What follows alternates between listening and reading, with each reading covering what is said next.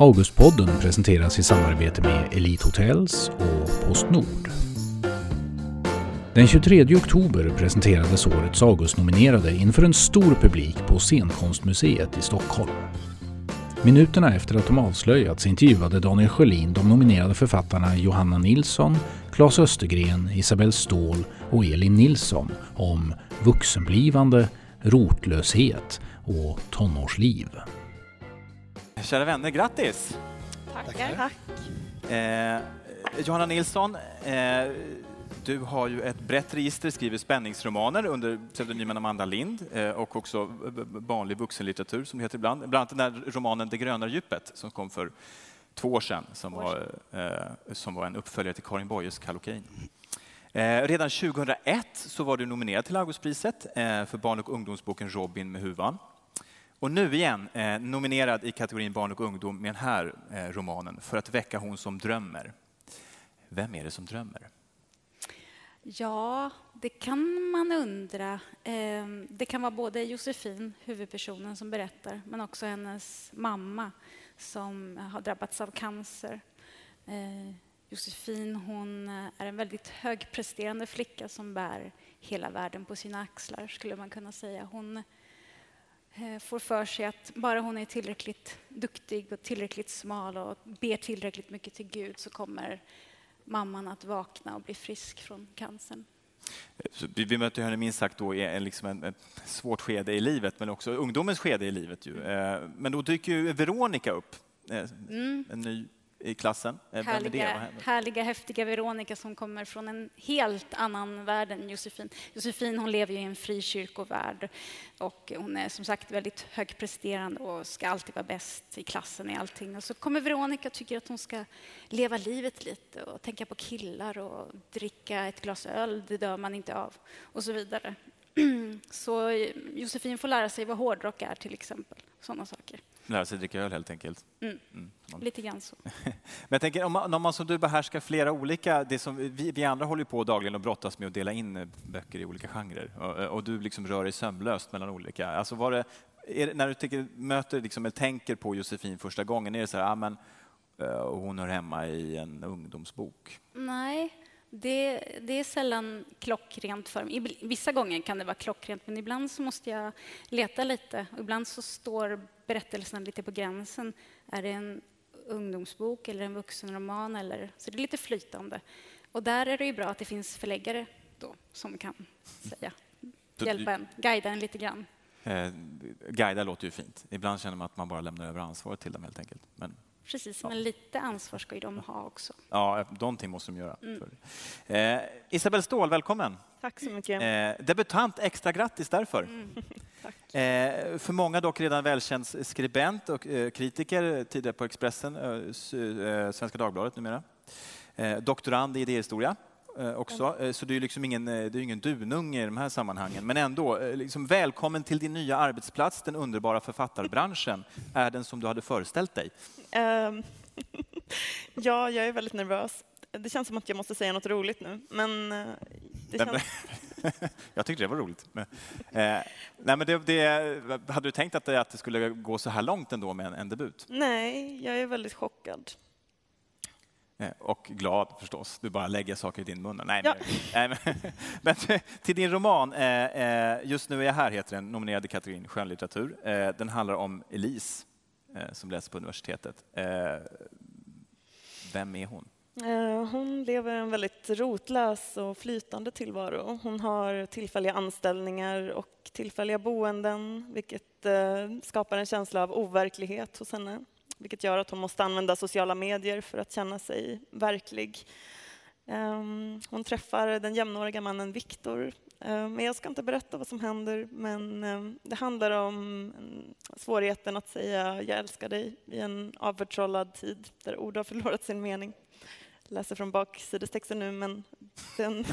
men, det, men, men, jag kan läsa ett par rader från inuti boken ja. om du vill, så det bli ännu bättre. Eh, eh, så här står Vårblommorna är hon likgiltig inför. Eh, hon har sett för många redan på Instagram. Eh. Eh, Men jag tänker, det är väl lite grann som du är inne på, att, att avförtrollningen.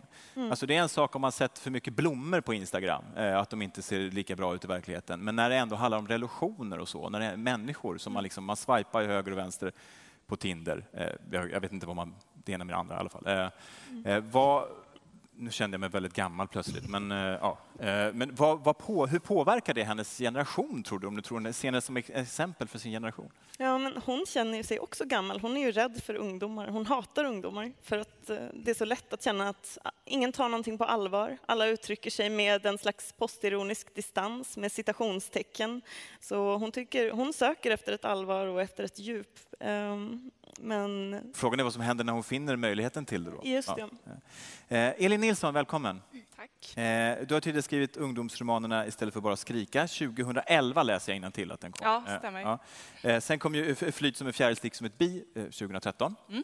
eh, som prisades av Göteborgs stad. Nu nominerad i kategorin barn och ungdom för den här en novellsamling.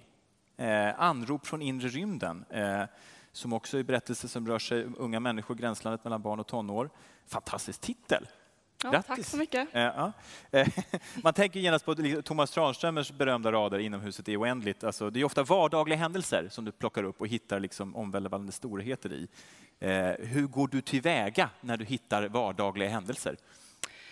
Ja, det, jag har utgått ganska mycket ifrån minnen som jag själv har haft. Jag har liksom använt ganska mycket så här bilder som jag har fått upp och sen har jag vävt någon sorts historia kring det.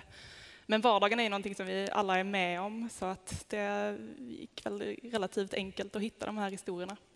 Men för, för jag tänker ändå att, att du, liksom, eh, goda novellis- novelister precis som du lyckas se, alltså det som jag uppfattar själv som ett typ av tuggummi på, på gatan, det är liksom ser en god no- novellist att det här är ett mynt. Eh, förstår du vad jag menar? Att det är en vardaglig händelse som man inser det här. Är, är det så att du ser att det, förstår jag menar, att det är ett mynt, eller blir det ett mynt när man plockar upp det? Eh, Hänger ni med på den Eh, Nej, jag förstår inte riktigt hur du menar. jag. Hade den klar för mig tidigare. Nej, men alltså, ta- kan man ta vilken vardaglig som händelse som helst och den blir litteratur för att man gör den till litteratur? Ja, Ja. eh, bara man adderar någon typ av relation och någon typ av spänning.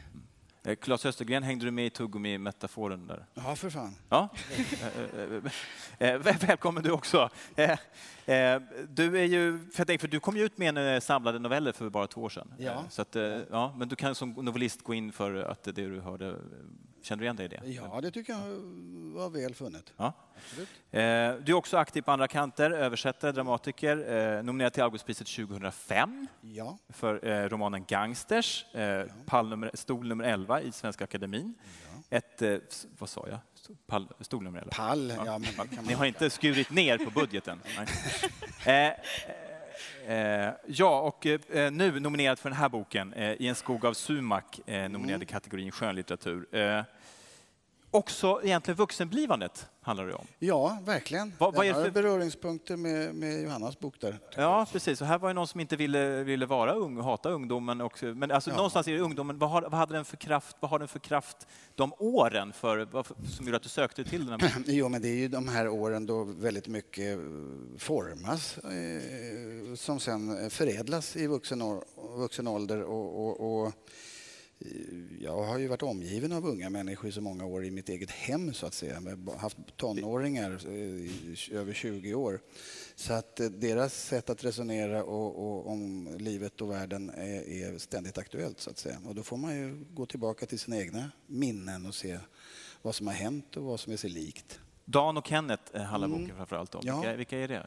Ja, det, där är det också en ny elev som kommer till skolan och vänder mycket upp på, på, på ända och, och förändrar strukturen i, i en klass, skolklass och framförallt i huvudpersonens liv förändras ju ganska Eh, Jag läste en intervju att din ambition var att skriva en eh, enkel linjär berättelse. Ja, men det här är väl en ganska enkel och lättläst bok om väldigt svåra ting. Och det var väl lite av min föresats. Var det enkelt att skriva? Nej, det var det inte. Eh, Det, men det kan vara lättare att göra utvikningar? Eller att, att, att- Absolut. ja. Att hålla sig till ämnet är varken din eller min styrka, tror jag. Nej, det är... nu fick du att mig att komma bort mig helt här.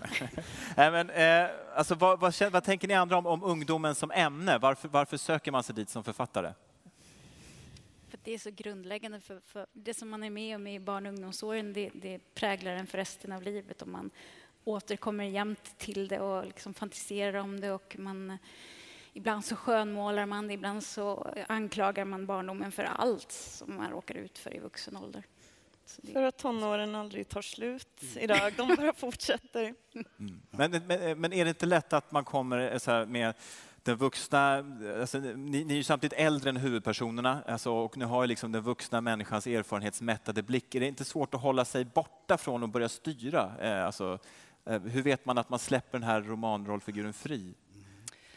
Ja, men det, det, är lite speciellt tycker jag att skriva om unga när man är vuxen. Man får på något sätt vara lyhörd och inte bara använda ungdomar som någon sorts funktion för att berätta någonting, utan man får liksom vara var lyhörd på något sätt, mm. tycker jag. Eh, var någon av er som fick syn på någonting hos er själva genom romanrollfigurerna som ni inte hade tänkt på tidigare? Klas? Ja, Nej, man, man känner sig väl som en tonåring jämt. Jag kommer ihåg Lasse Lönndahl, han var Sveriges äldsta tonåring. Och jag får väl ta över den rollen då. Jag har hört att Carl Bildt är Sveriges äldsta gymnasist. Han kanske kan tävla. Ja, det kan bli en klubb. Ja. Eh, men det verkar vara en lycklig klubb i alla fall. Tack så mycket för att ni kom hit eh, och grattis än en gång till nomineringarna. Tack. Tack.